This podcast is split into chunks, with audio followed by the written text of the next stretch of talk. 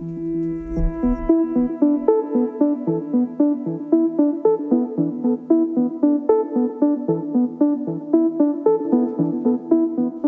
til månedskriftet. Vi vil i løbet af den næste halve time vende op og ned på det, som vi hidtil har antaget om vægt. Vi skal høre, at vores patienter nok ikke har ret meget indflydelse på, hvordan deres kropsvægt udvikler sig. Vi skal høre, hvorfor slankekur bare ikke virker, og vi skal tale om vægtneutral sundhed som et alternativ til den klassiske vægttabstilgang til vores tykke patienter.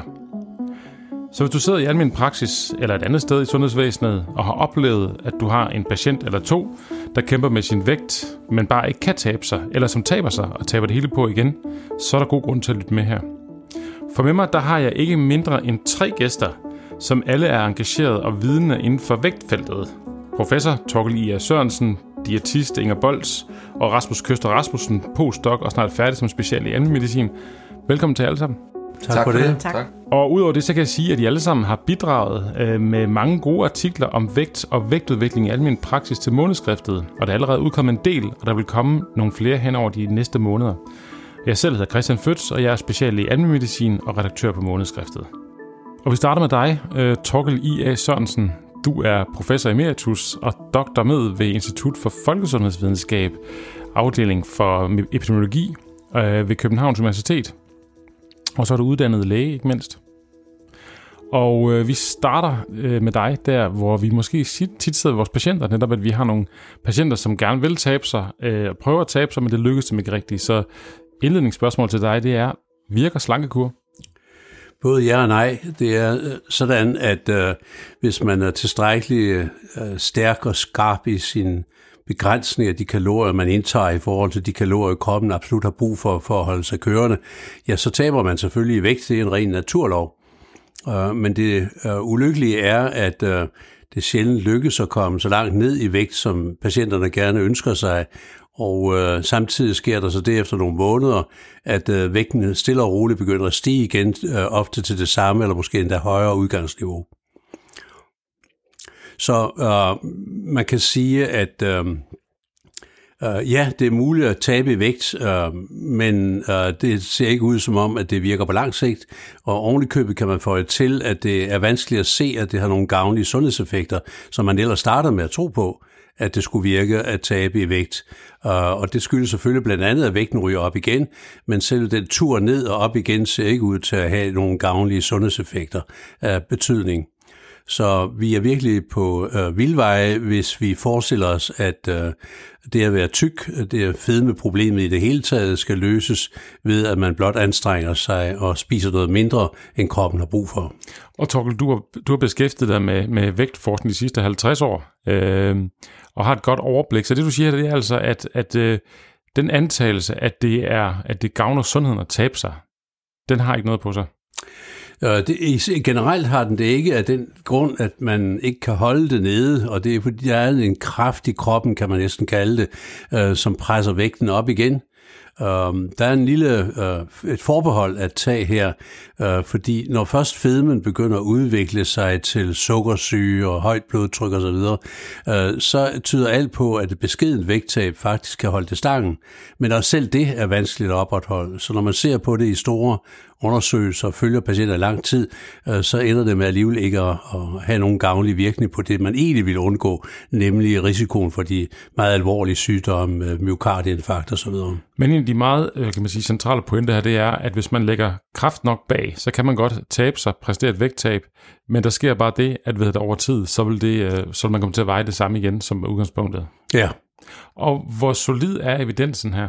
Den er meget solid. Der er ikke nogen tvivl om, at det er sådan, det foregår. Jeg tror, alle, der har beskæftiget sig med patienter, øh, som de har forsøgt at tabe, øh, få til at tabe i vægt, at de kender den erfaring, at i løbet af 6, 12, 18 måneder, måske et par år, så stiger vægt igen. Det er endda sådan, at hvis man har fået sit vægttab ved hjælp af kirurgiske ændringer i mavesækken, som jo nu er et af de øh, øh, tiltag, der er muligt at tilbyde de meget overvægtige patienter, at så øh, er der en del af dem, der faktisk ganske langsomt alligevel stiger i vægt, til trods for disse indgreb. Øh, så der er en kraft i kroppen hos dem, der er blevet tykke, som øh, vi stadig ikke rigtig forstår, men som det er vigtigt at forstå og vigtigt at tage højde for, at, øh, at øh, den virker. Og først når vi har forstået den og fået den årsag til selve tykkheden, til selve ophobningen af fedtet fjernet, ja, så øh, har vi en vej frem mod det at, øh, at øh, få et succesfuldt vægttab. Og jeg synes, det er en enormt vigtig pointe her, ikke mindst for os øh, læger, der sidder med patienter, øh, som gerne som ønsker vægttab, men vi faktisk ved, at, øh, at øh, det langvarige blivende vægttab, som vores patienter ønsker, det kan ikke lade sig gøre. Ja, øh, Øhm, det ser i hvert fald ikke ud til, at det er muligt. Der er nogle ganske få, øh, der, for hvem det lykkes, og som hævder, at øh, det lykkes dem, fordi de er enormt øh, disciplinerede med hensyn til, hvordan de kontrollerer deres kost og deres motion. Men øh, i virkeligheden er det muligvis lykkedes for dem, fordi det, der oprindeligt var årsagen, og det er hele det, der er humlen i det, der var årsagen til, at de var tykke i mellemtiden er forsvundet, uden at de var klar over det.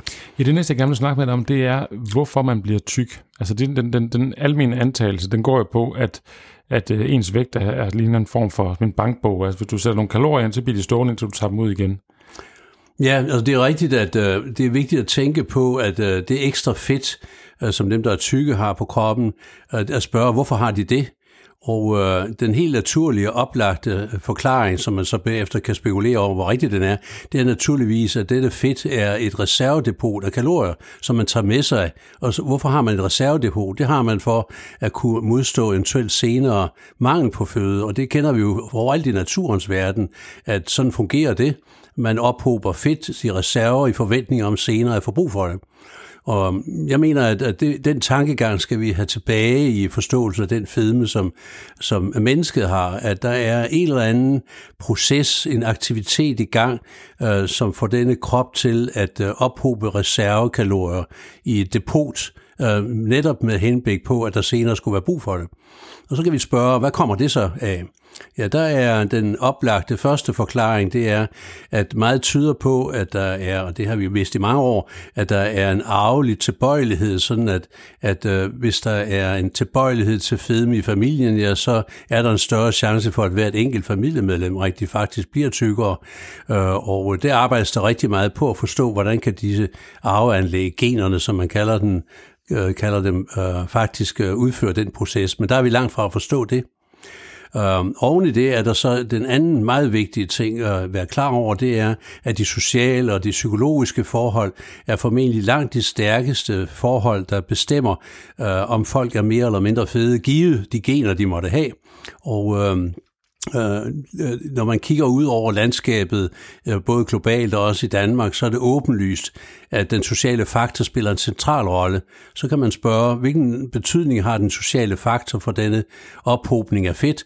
Og der får, øh, våger jeg så den kobling at sige, at den øh, sociale usikkerhed, den sociale udfordring, den sociale vanskeligheder, der kan overføres til psykologiske tilsvarende vanskeligheder, at de i virkeligheden for mennesket i deres udvikling er et tegn på en risiko for senere at mangle mad. Så derfor er kroppen indstillet på at øh, øge øh, deponeringen af reservekalorier. Så det, jeg hører dig sige her, det er, at når vi skal prøve at forstå, hvorfor nogen bliver tykkere, og nogle andre ikke gør det, så det vi skal kigge på, det er dels generne, og vi skal dels kigge på noget med social øh, usikkerhed. Det er noget af det, der, der, der kan disponere til, at folk bliver tykke. Ja, både den psykologiske og den sociale usikkerhed. Det er klart sådan, at social usikkerhed kan ikke blive til noget inde i kroppen uden gennem psyken. Øh, og øh, psyken kan jo sådan set i princippet også ændre sig, uden at der har været social usikkerhed. Så begge dele skal med i betragtningen. Og øh, vejen til øh, så at håndtere problemerne, det ligger jo så også i, at det i sig selv har værdi at øh, undgå de problemer, som kroppen reagerer på, øh, som den egentlige kilde til problemet, sådan som jeg ser det. Men for lige at vende tilbage til, til, til det første spørgsmål, det er, øh, vi har jo nok sådan en, en opfattelse af, at hvis man bliver tyk, så er det fordi, man spiser for meget. Så er det simpelthen fordi, man har fået for mange kalorier i forhold til, hvad man har behov for, og det man så skal gøre, det er, at så skal man spise lidt færre, og så bliver man øh, den vægt, man gerne vil have alligevel. Men jeg ved, at du siger, at det her med at tænke det som et kalorieregnskab, det kan man ikke gøre. Det er helt rigtigt, at øh, det er en alt for simpel måde at stille op på. Man skal starte med at sige, at det selvfølgelig er rigtigt, at der er ikke nogen, der er ikke noget galt i den fysiske lov, der handler om at se kroppen ligesom en bankkonto, hvor der er sat energi ind og trukket energi ud, øh, eller for den sags skyld i fedtvævet. Problemet er, at øh, man ikke at det kan regne sig frem, eller man kan ikke slutte, at det så er sådan, at der er ophobet det ekstra fedt, fordi man har startet med at spise for meget. Øh, meget tyder på, at det faktisk er modsat. Det starter med, at der er en eller anden proces i kroppen, der sørger for ophobning af fedtet i øh, fedtvævet, og øh, det fører så naturligvis til, at så må man spise det mere. Man må ovenkøbe spise endnu mere, fordi samtidig så vokser den magerdel af, lægemsmassen, øh, og den kræver også sin egen energi. Så faktisk er det sådan, at det man ser folk spiser mere, og som man mener er for meget, det er virkelig lige præcis det, de har brug for til at tilgodese øh, det store behov, der er kommet af, at den magerdel af, lægen, af lægemsmassen også er vokset. Så, så det, at man tror, man kan se, at de er blevet tykke, fordi de spiser for meget, er en total fejltagelse. Det kan faktisk ikke lade sig gøre, også fordi det er så utrolig lidt, kan man regne sig frem, med simpelt regnestykke, at det er ganske, ganske lidt per dag gennemsnitligt, der øh, ligger bag det at udvikle øh, fedme. Så, mm, øh, og det kan hverken den enkelte selv, eller omgivelserne, eller for den sags skyld, øh, teknikere og videnskabsfolk, det kan ikke i akta eller måle den bitte, lille bitte smule, der bliver lavet gennemsnitligt per døgn i fedtvedet, når man udvikler fedme. Så selve ideen er, er en håbløs påstand at sige, at det er selvfølgelig derfor, at du er blevet tyk, fordi du har spist for meget, det kan jeg jo se, og du må hellere røre dig noget mere. Men ikke desto mindre er det det, mange føler, der bliver sagt, eller sådan, at der er mange, der tænker. Så det vi lige prøver at, at runde af med nogle pointer her, det er for det første, så siger man, det her med slankekur, de virker måske, hvis man lægger viljen nok bag på kort sigt, men de virker ikke på lang sigt. Det synes jeg er en vigtig ting at, at, at have med for os til vores patienter. Og det andet det her, det er, at vi ved faktisk ikke, hvorfor folk bliver tykke. Det er ikke så simpelt som, at man har et eller andet kalorieregnskab, som ikke går op. Det handler måske noget om generne. Det handler måske noget om, øh, om, om den her sociale usikkerhed, som du har snakket om. Men i virkeligheden så er det vigtigt, at vi formidler det til vores patienter. Ja, ja. Øh, øh, jeg er ikke et sekund i tvivl om, at der er brug for en, hvad kan man sige, en hovedrengøring i forhold i øh, folks opfattelse af, hvad fedme er, og hvad det kommer af, og hvad der skal gøres ved det. Og den hovedrengøring, den er vi så rigeligt gang med lige nu, øh, og det vil lige referere igen til, at der kommer artikler i månedskriftet.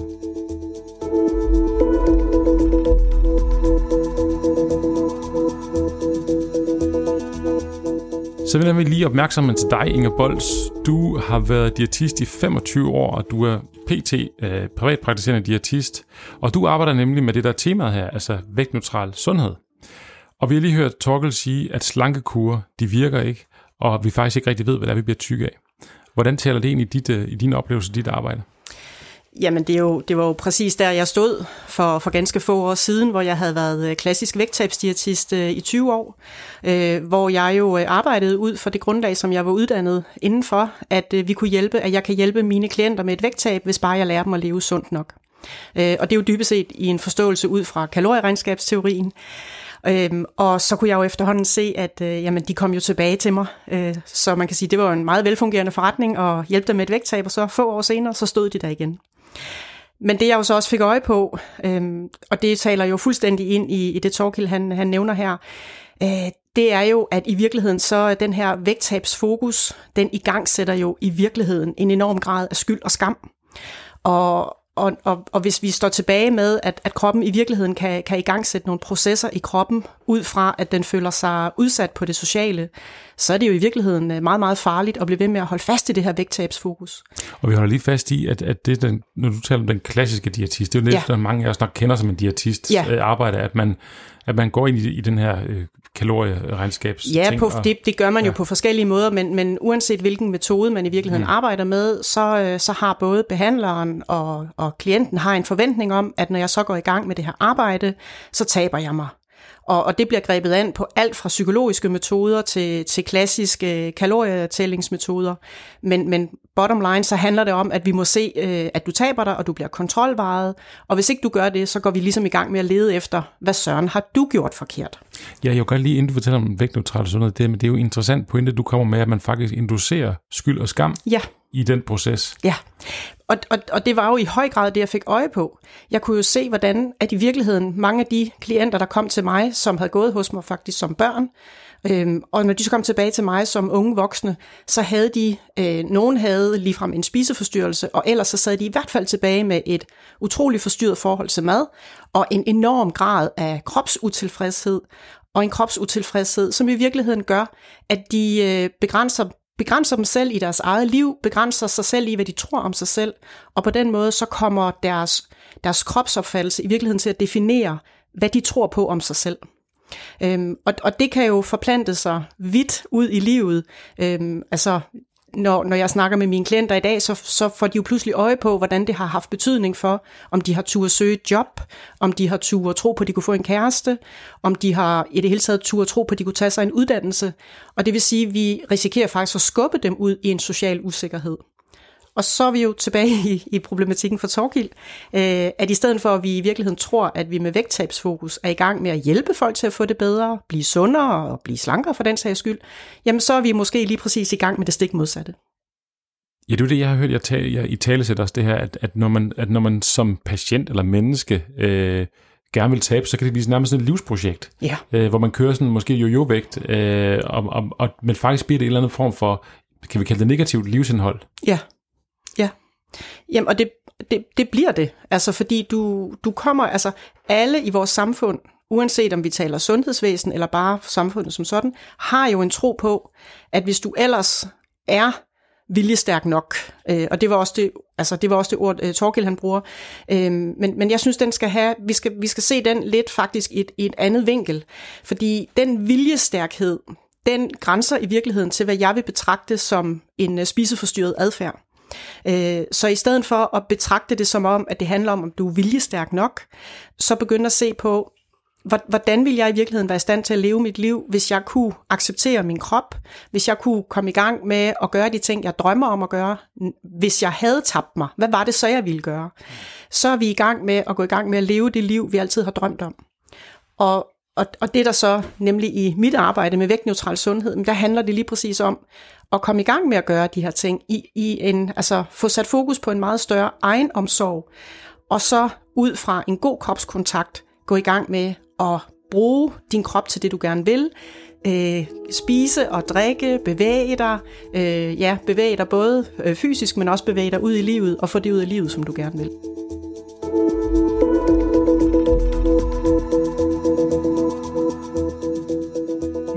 Præcis det, som, som er overskriften for den her, den her podcast, det er jo vægtneutral sundhed. Og det ligger jo selvfølgelig i ordet, at når man er vægtneutral, så tænker man ikke så meget på vægt. Ja. Men du må gerne lige prøve øh, sådan lige fortælle, hvad, hvad, hvad består det, den tilgang egentlig af? Ja. Altså, øh, kernen i det handler om, hvad du kan gøre i selvomsorg for dig selv. Og, og der arbejder vi sådan set ud fra, fra tre ben, som dels handler om øh, nydelsesfuld bevægelse, og det vil jo sige i modsætning til den motion, man laver, som man tracker og gør for at forbrænde kalorier, men at du gør det, fordi du gerne vil have et godt velvære, og det skal være nydelsesfuldt, det skal være rart. Så en del af det, man skal finde en, noget, man, man, et eller andet fys, man godt kan lide ja. og holde af at lave. Ja. ja. Øhm, en vigtig del af, af det er naturligvis også at komme til at arbejde med en større accept af sig selv, og det skal ikke handle om, at man skal stå og, og ligefrem kunne synes, øh, at man er enormt lækker. Det er der ikke ret mange mennesker, der ligefrem kan, men at man, man kommer derhen, hvor man i respekt for sin krop behandler den ordentligt og giver den det, den har brug for. Og så arbejder jeg meget målrettet inden for området omkring øh, mad, hvordan du ligesom øh, hjælper dig selv til en god spisning, som simpelthen hedder intuitiv spisning. Øhm, og det, er ligesom, det ligger jo lidt i ordet, at det handler om intuitivt at mærke. Så vi øh, arbejder rigtig meget med at komme tilbage til kroppen, fordi slankekurene har flyttet væk, altså, altså har flyttet en væk fra kroppen. Der har man levet op efter ydre regler, man har lyttet til slanke eksperter, man har kigget på kostplaner, man har tracket sine kalorier. Og uanset om man var sulten eller ej, uanset om man var mæt, så hvis, hvis jeg må spise nu, så spiser jeg. Øh, hvis, jeg hvis jeg er sulten, og jeg ikke må spise, ja, så spiser jeg ikke. Og på den måde har folk stille og roligt mistet kontakten til de naturlige signaler. Og det øh, sender folk ud i en kaotisk spisning, som, som altså stille og roligt bliver mere og mere usund, og med meget, meget stor grad til sidst af delvis underspisning og efterfølgende overspisning, hvor vi i intuitiv spisning går helt tilbage til kroppen og starter med at arbejde på, at du kan faktisk have tillid til din krop, øh, og så genlærer de her signaler for især den lille sult, som rigtig mange har fuldstændig altså mistet forbindelsen til, og ligefrem øh, er lykkelig for ikke at spise på, så få fundet kontakten til at lære at spise, når du er lidt sulten, og så mærke, hvad det vil sige, og bare spise til du er behagelig mæt. Øhm, jeg har så sent som i dag siddet med, med en, en, en mand i 40'erne, som har, har kæmpet lige siden han var 6 år gammel, og nærmest om sig selv tror i dag, at det må være en øh, binge eating disorder, altså en tvangsoverspisning, spisforstyrrelse, og, og hvor jeg øh, ret hurtigt kan høre, at det her det handler simpelthen om, at han overhovedet ikke er i kontakt til hans øh, sult. Og når du ikke er i kontakt til din sult, og dermed ikke får spist i tide, ja, så har du ikke en chance for at nå at spise, altså øh, nå at stoppe med at spise, og så ender du igen og igen med at spise dig ubehagelig mæt. Og det er jo lige præcis frygten for alle, der i forvejen har en høj vægt. Så, så i stedet for at sætte fokus på det, de fleste oplever er problemet, nemlig der, hvor de spiser for meget, så skal vi sætte fokus på det helt andet sted, nemlig kan du overhovedet mærke din sult? Øhm, og der ligger et, et rigtig sårbart arbejde for mange, fordi folk er jo flove over at spise, når de andre ikke spiser. Jeg sidder her i min tykke krop. Hvorfor skal jeg så spise, når de andre ikke spiser? Og nu, nu sætter du vægtneutral sundhed. En del af det, det er det, der hedder intuitiv spisning. Og intuitiv spisning, det er faktisk, at man lader kroppen øh, sulten styre, hvad man skal spise? Jamen det, det, det er grundlæggende, at du har, man kan sige, der er ligesom fire pejlemærker i det. Så, så grundlæggende har du tillid til, at du kan stole på din krop. Og det vil sige, du, du øh, har tillid til, at kroppen fortæller dig, når du er sulten, og du har tillid til, at kroppen fortæller dig, når du ikke har brug for at spise mere. Og på den måde, så hjælper det dig til at lære at håndtere dine udfordringer i livet, dine problemer i livet, med, med, med noget andet end mad. For ellers så er der rigtig mange mennesker, der havner i følelsesmæssige spisninger, trøstespisninger, og det gør man endnu nemmere, når man samtidig går og er uvidende om, at man er sulten. Altså den uerkendte sult er en kæmpe fælde for rigtig mange. Og endelig så i intuitiv spisning handler det også virkelig om at mærke, hvordan gør jeg noget godt for min krop. Så, så jeg taler rigtig meget med mine klienter om, hvad, hvad vil du gøre, hvis det skulle handle om velvære og nydelse? Og det hjælper rigtig mange allerede i gang med at gøre noget, noget helt andet. Men selvfølgelig ikke at sulte sig selv. jeg tænker også, at øh, det må være angstprovokerende, hvis man har kæmpet med sin vægt i mange, mange, mange år, og så kommer man til dig, ja. og så siger du, ved du hvad, du skal bare lytte til din krop, ja. det skal nok gå. Ja, og så enkelt er det. Nej, jeg ved jeg godt, det ikke er. Men, men, men, men jeg tænker alligevel, at det, det er at lytte til kroppen, altså, fordi, fordi i den vægtneutrale sundhed, tænker jeg, ligger det også, at man, så holder man jo op med at kigge på vægten. Ja, Ja. Det er jo et vigtigt princip også i det her. Ja. Så, så tør man det, og, hvor man, og tager folk så på? Eller, det er jo det spændende spørgsmål. Det er det. På, på, på samme tid er det, det noget af det mest grænseoverskridende at holde op med at evaluere sig selv på vægten. Og på samme tid er det det, som mine klienter siger, det har været det mest befriende. Altså de, de har slet ikke været klar over, hvor meget den vægt har defineret dem dag ud og dag ind. Der har den morgen, altså den morgenrutine med at veje sig, har simpelthen defineret, om det her det bliver en god dag eller en dårlig dag. Øhm, og, og hvad sker der så med folks vægt? Ja, altså det afhænger af, hvor man, hvor man er, når man kommer hos mig.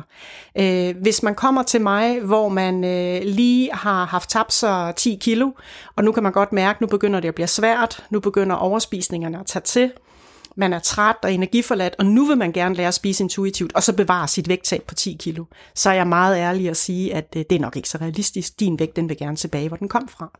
Nu er det meget sjældent der, hvor folk de kommer, fordi de kæmper lige lidt mere, så de kommer faktisk til mig, når de er ofte på en vægt, hvor de simpelthen ikke kan være med sig selv. De har ofte ikke vejet mere end det her, og de har haft tabt sig uendelig mange gange.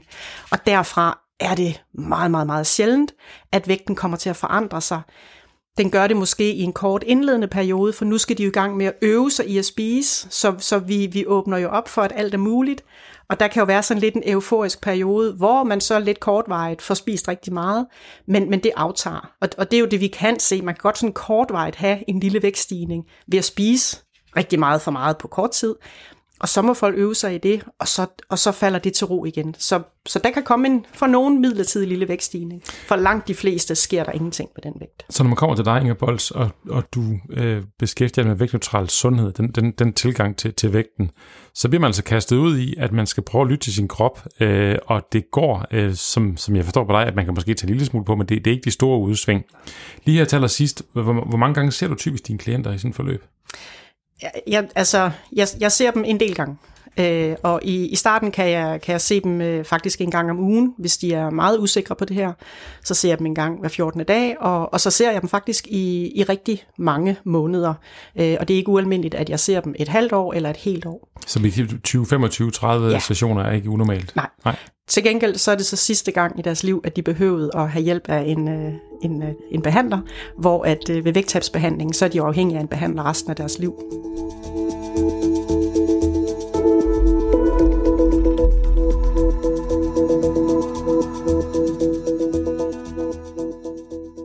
Rasmus Køster Rasmussen, du er postdoc ved Forskningsenheden for Almindelig Medicin i København, og så er du fase 3 læge, og lige, og lige om lidt så er du special i almindelig medicin. Ja. Og øh, vi har hørt øh, to øh, spændende oplæg her øh, med, vi taler om slankekur, der ikke virker, om vægtneutral sundhed. Men du har jo, det har været dit forskningsområde i, i mange år, i over 10 år nu. Ja. Og du har jo de sidste 10 år, der har du brugt rigtig mange, meget tid og ressourcer på at, at, øh, at undervise og i at, i at kan man sige, promovere de her synspunkter. Øh, hvordan har det været? Jamen, øh, det har været sådan lidt op ad bakke.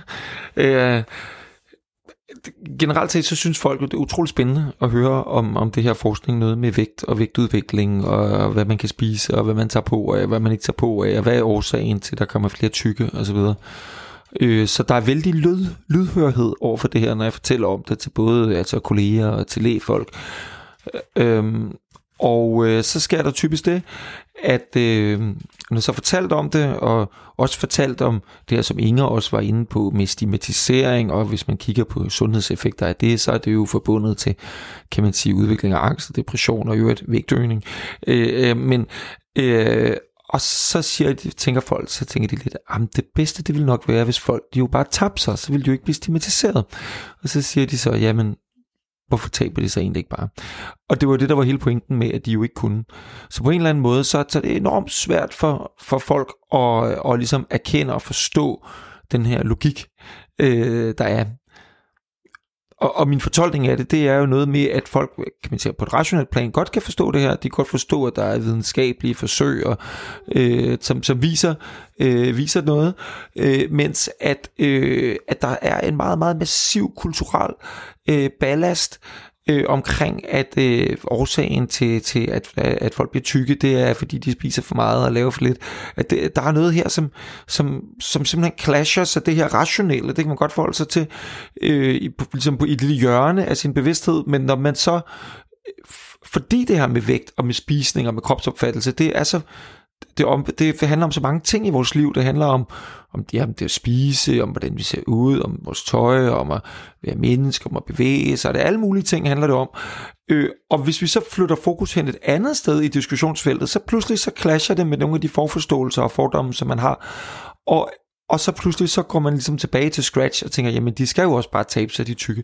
Så, så det er enormt svært for, for folk at øh, erkende, sådan hele vejen rundt, at det faktisk ikke øh, fungerer, det her øh, slankekursregime, som, som ligesom har været det herskende i, øh, i, i, i mange år i sundhedsvæsenet. Jeg tænker sådan, når vi sidder som, som læge eller andre sundhedspersoner, så er det jo også en ting om, at man måske sådan med sin fornuft kan, kan, kan forstå et eller andet nyt paradigme, men det er appliceret i sine egne vaner og i sin tilgang til, til, øh, til patienten, det, det er jo meget sværere i virkeligheden. Ja, altså det er jo, hvordan applicerer det er jo, jeg, jeg tror meget, øh, noget af det, som jeg er blevet beskyldt for, eller kan man sige noget, øh, når jeg får kritik af kolleger, så siger de, Rasmus, du er nihilist, du tror ikke på, øh, det, hvad, hvad skal vi så? Altså, du kan ikke bare komme her og sige, at de tykke ikke skal tabe sig, hvad skal de så? Øh, og, og det er fordi vi på en eller anden måde er sporet helt ind på, at jamen, hvis man er tyk, så er det et kæmpe problem, og hvis man ikke skal tabe sig, hvad, hvad er så løsningen? Og, og det er jo, kan man sige, fordi vi sætter øh, sundhed lige med tyndhed. Vi, øh, vi, vi glemmer, at man sagtens kan opnå sundhed. Øh, man, kan sagtens, øh, man kan sagtens være tyk og sund. Ikke? Man kan sagtens opnå sundhed, selvom man er tyk. Man kan jo sagtens stoppe med at ryge og øh, dyrke motion og have, være i god form og øh, spise grøntsager og så videre. Øh, så, så man kan gøre, man kan sagtens være sund og tyk, og det, det er næsten det er meget svært for os at erkende, fordi vi er simpelthen forprogrammeret med en forståelse om, at tykke menneskers vej til sundhed, den går gennem vægttab.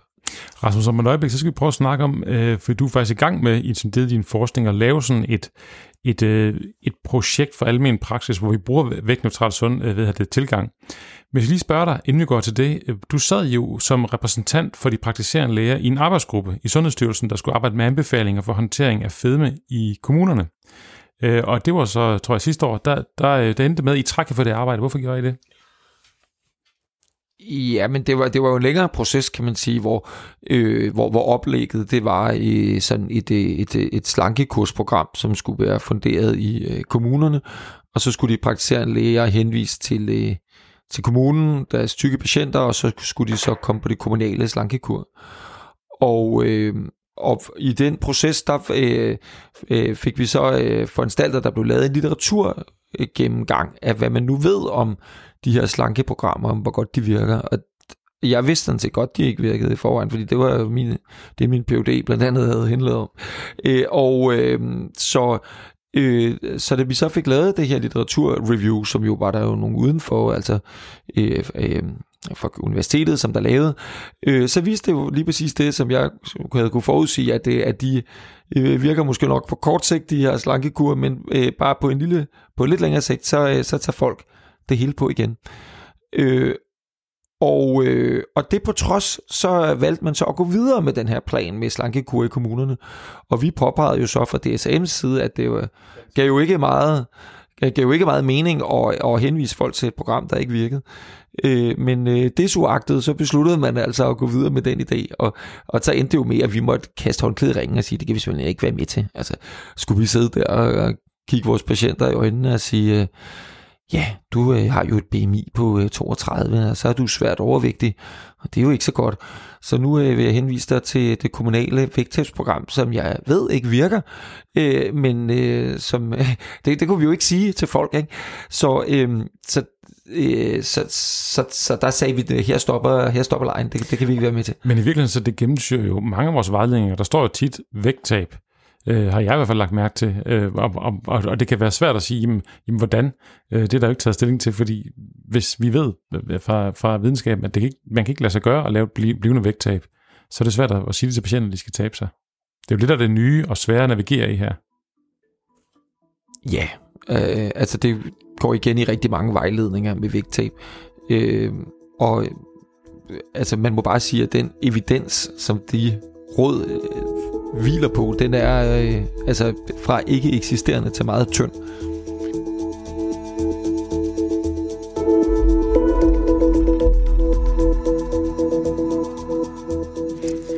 Og nu vil jeg så sige, for lad os lige prøve at komme en lille smule ind i praksis. Jeg ved, at du, Rasmus Køster Rasmussen, sammen med vores referent Jens Aarhus Downing, er ved at lige nu at skrive på en artikel om, hvordan vi egentlig taler med, med vores patienter om det her. For det, det kan jo godt være nogle gange, hvor der udfordringen ligger.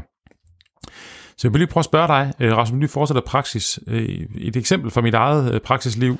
For nylig, der mødte jeg en, en ung kvinde, som kom til mig med et brændende ønske om vægttab. Det handlede ikke om sundhed, det handlede om, at hun gerne ville tabe sig. Hun var ung, og hun har lige slået op med sin kæreste, og så i den proces har hun taget 10 kilo på, og dem kunne hun altså ikke få tabt igen. Hvad vil du sige til sådan en case? Jamen, jeg vil lige starte med lige at overveje, hvad, hvad hun er for en patient, ikke? og hun kommer ind, hun har lige slået op med sin kæreste, har taget 10 kilo på, og, og nu vil hun, kan man sige, af sociale årsager, det handler om social accept, han er jo ikke om sundhed i det her øh, tilfælde, gerne øh, tabe sig, så hun kan blive, øh, måske få en ny kæreste, eller få et job, eller noget andet. Øh, så, så hendes historie er jo meget klassisk. Øh, og også meget klassisk for, at det her med, at når folks livsomstændigheder ændrer sig.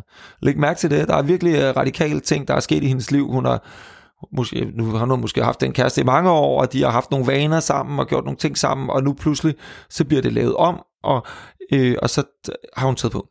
Så det er bare meget klassisk for, hvordan ens vægt ændrer sig. Det handler måske ikke så meget om, hvad man spiser, men om ens livsomstændigheder. Men hvad vil jeg sige til hende? Det var det. Ja. Så det, jeg ville øh, starte med, det var at, jo at høre, hvorfor at hun gerne øh, vil tabe sig. Jamen det vil hun gerne, fordi hun, hun vil gerne tabe sig, så hun kunne blive sig selv igen. Ja, øh, og så øh, vil jeg øh, spørge, så vil jeg nok øh, forklare hende om fakta, altså det er helt grundlæggende. Øh, det synes jeg, det er jo vores øh, pligt som læger og, og, og, og, og give råd og vejledning, som er baseret på fakta og på viden, øh, og fortælle om, at det øh, grundlæggende kan man sige, er meget vanskeligt at, at opnå et, et vægttab af en sådan kalorierestriktionsvej, øh, hvis det er noget, man vil vedligeholde i længere tid i hvert fald, så handler det jo netop om ens livsomstændigheder. Det handler måske netop om nogle andre ting, måske om social usikkerhed, og hvad, kan man sige meget oplagt at, at overveje den her situation, men, men hvad skal hun gøre ved det? Så, så noget af det, som jeg måske ville spørge om, det var, hvad er det i virkeligheden, du vil opleve? Du vil gerne tabe dig, fordi hvad? Er det fordi, du gerne vil have en kæreste, eller er det fordi, du gerne vil øh, øh, flytte til øh, en anden by, eller hvad er det, det handler om det her? Er det fordi, du gerne vil have noget noget flot tøj, eller er det, vil du have dine forældres accept, eller hvad er det grundlæggende, det handler om? Øh, og nu er, kan man sige, det her er det meget socialt øh, øh, drevet, det her eksempel, du kommer med, men ofte kommer folk jo også med, fordi de gerne, altså til lægen, fordi de gerne vil være sundere. Øh, og der kan man jo så netop rådgive med at sige, jamen hvis du vil være sund, jamen så spis øh, sundt, eller hvis du vil være øh, ja, sund, så, så, så, øh, så, så, øh, så bevæge dig, lave motion, og altså at de her helt almindelige kramfaktorer kan man jo rådgive om, uden at de har til formål, at man skal tabe sig. Inger Bolds, nu spørger jeg lige dig, fordi den her øh, patient, der kommer, øh, som gerne vil tabe sig, øh, og et, ved vi med vores faglighed urealistiske øh, vægttab, sådan lige umiddelbart, hvad vil du sige, hvis du skulle supervisere, hvad hedder det, øh, Rasmus og mig, eller hvad, hvad vil du sige til sådan en situation der? Jamen det, der er aller, aller vigtigst, det, der er aller, aller vigtigst øh, at, at huske på, når man sidder som, som, som lægen der, det, det er at vide, at, at alle i samfundet jo tror på, at øh, vægttabet er nødvendigt, og, og patienten vil altid tro, at lægen synes, det er en god idé, øh, at jeg taber mig. Så, så det er faktisk rigtig vigtigt, at man med sin lægefaglige baggrund tager det her ansvar og, og, og får for kortlagt, øh, at, at det, jeg har ikke en forventning om, at du skal tabe dig. Øh, så, så, så hvis en patient, der kommer jo fra tid til anden med nogle øh, idéer om, hvordan de kan gøre deres helbred sundere, det, det kunne være en, en kraftpatient, som kommer og siger, at nu, nu tror jeg, det er tid til at stoppe min kemo, jeg tror, jeg skal tage noget, noget naturmedicin eller nogle naturpræparater. Og, og der vil den øh, lægefaglige begrundelse jo være, at det, det vil ikke være en god idé, og man vil forklare patienten, hvorfor det ikke er en god idé. Og, og på samme måde til den her øh, patient, som jo, øh, i, som, som Rasmus helt sikkert siger, det her det er noget socialt, hun har det skidt med sig selv, øh, hun har en forestilling om, hun vil få det bedre, og der er det vigtigt, at hun øh, får at vide, jamen sandsynligheden for, at du kommer til at tabe dig og bevare vægttabet, den er meget, meget lille, og, og du risikerer i virkeligheden at stå tilbage med en større grad af kropsutilfredshed. Du risikerer at sende dig selv ud på en, på en vægtbane, hvor du så måske kommer til at tage mere på. Øhm, og, og jeg er meget, meget enig i Rasmus, at det handler om ligesom at få øje på, hvad er det, hun forestiller sig, at hun får ud af at tabe sig. Og så er det det, øh, lægen skal støtte hende i, og, og få hende til at forstå, at jamen, hvordan kan vi så hjælpe dig den vej alligevel her og nu? Men, men frem for alt er det virkelig vigtigt, at, at vi som sundhedsprofessionelle er bevidste om, at patienten, klienten vil jo altid tro, at vi synes, det er en god idé, de taber, taber sig. Så det er os, der skal tage det ansvar at sige, det, det her det handler ikke om vægttab. Det her det handler om altså, der er andre måder, du kan få det bedre. Der er andre måder, du kan blive sund på.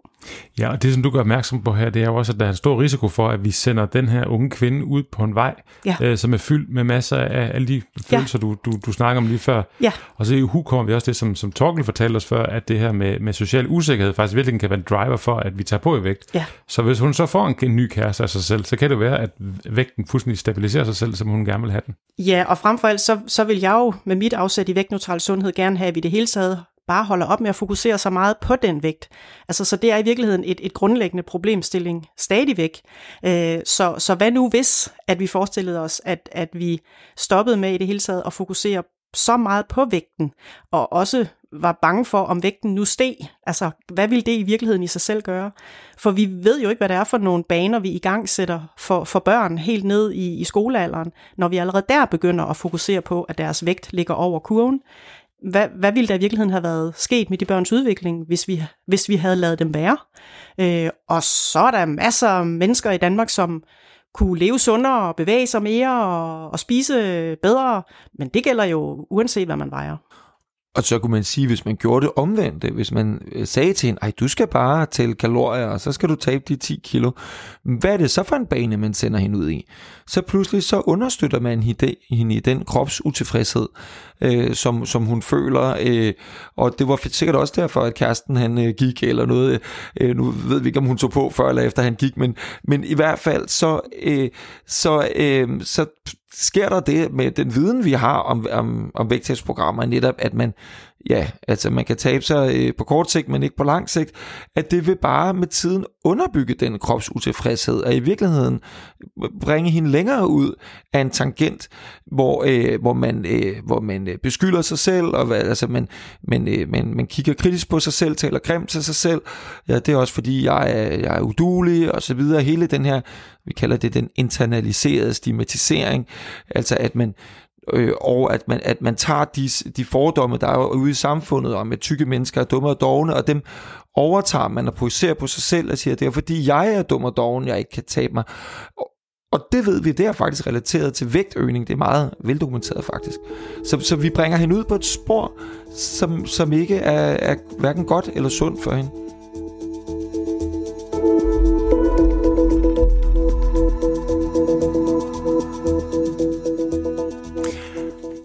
Tak, og jeg vil sige, at det har været en stor udfordring at, at, at, at putte øh, så meget viden ind i en podcast.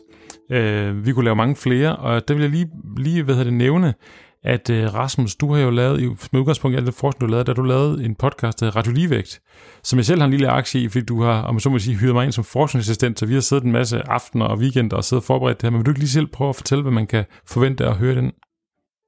Ja, Radio Ligevægt, det er jo øh, det er formidling af viden om vægt og spisning øh, øh, og, og vægtudvikling og slankekur og den slags øh, øh, og sundhed.